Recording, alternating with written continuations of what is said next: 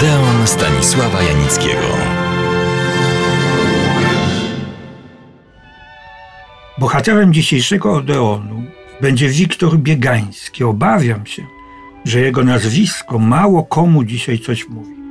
A był on artystą filmowym i teatralnym wszechstronnym. By nie być gołosłownym, wymienię jego zawody.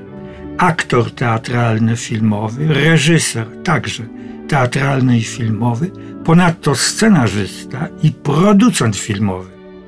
Urodził się w roku 1892 w Samborze, niedaleko Lwowa, a zmarł w Warszawie w 1974.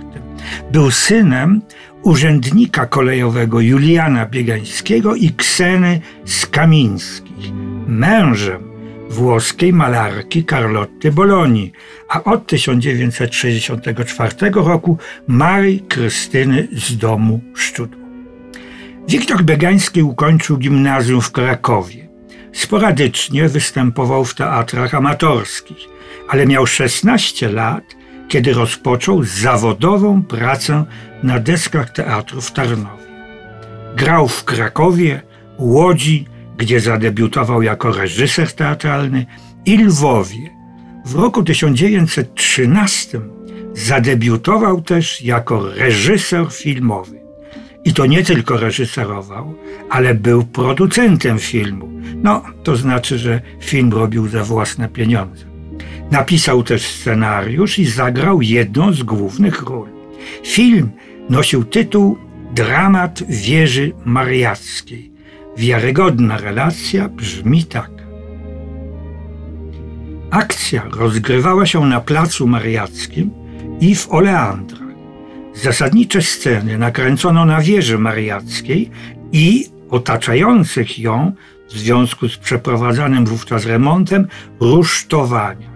Tu nastąpiło pierwsze zbliżenie kochanków. I tu, na wysokości kilkudziesięciu metrów, rywale stoczyli tragiczną w skutkach walkę, zakończoną śmiercią uwodziciela.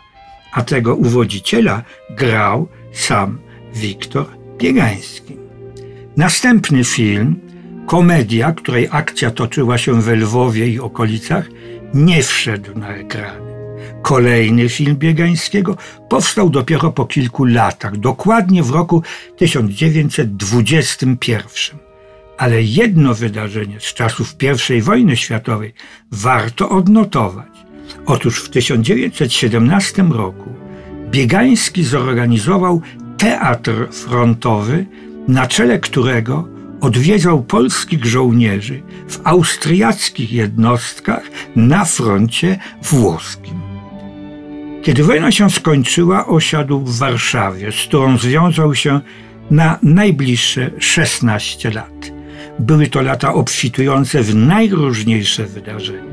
Przede wszystkim grał i reżyserował w teatrach. Z trudem godził tę pracę z realizacją i graniem w filmach, a do 1929 roku powołał do życia ekranowego dziewięć filmów fabularnych. Dodam tylko, że do wszystkich pisał także scenariusze, ale w nich nie grał. Następny film Biegańskiego zakrojony był śmiało i z rozmachem. Już tytuł na to wskazuje. Pan Twardowski. Ta baśń filmowa miała pięć głównych części, zatytułowanych tak: Na dworze królowej Rusałek, Łowy diabelskie, Uczta Twardowskiego, Na dworze Iwana Groźnego i ostatnia część Miłość ojczyzny zmywa winy.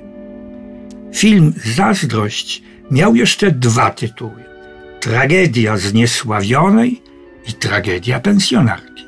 Zacytuję tylko finał tego dramatu. Zhańbiona, a następnie szantażowana w sposób bezwzględny przez parobka, mści się podpalając stodołę, w której on spał. Następny film Bożyszcze z 1923 roku miał podtytuł W sidłach uwodziciela. Akcja toczyła się nad Czarnym Stawem Gąsienicowym i na Kościelcu. Bohaterami byli dwaj przyjaciele, rzeźbiarz i malarz. Malarz kochał Stasię, córkę adwokata, lecz ich szczęście zniszczył rzeźbiarz, który uwiódł i porzucił dziewczynę. Kolejny film Wiktora Biegańskiego z roku 1923 nosił tytuł Otchłań pokutę. Bohaterem jest leśniczy. Po powrocie do domu zastaje na progu zakrwawioną żonę, która mu wyznaje, że ojcem zmarłego dziecka jest pianista Molski. W duszy leśniczego zawrzała okrutna żądza zemsty. Minęły lata. Molski po śmierci swojej żony wraca do kraju. I teraz dzieją się rzeczy straszne. O nich opowiem Państwu za tydzień. Serdecznie zapraszam do Odeonu.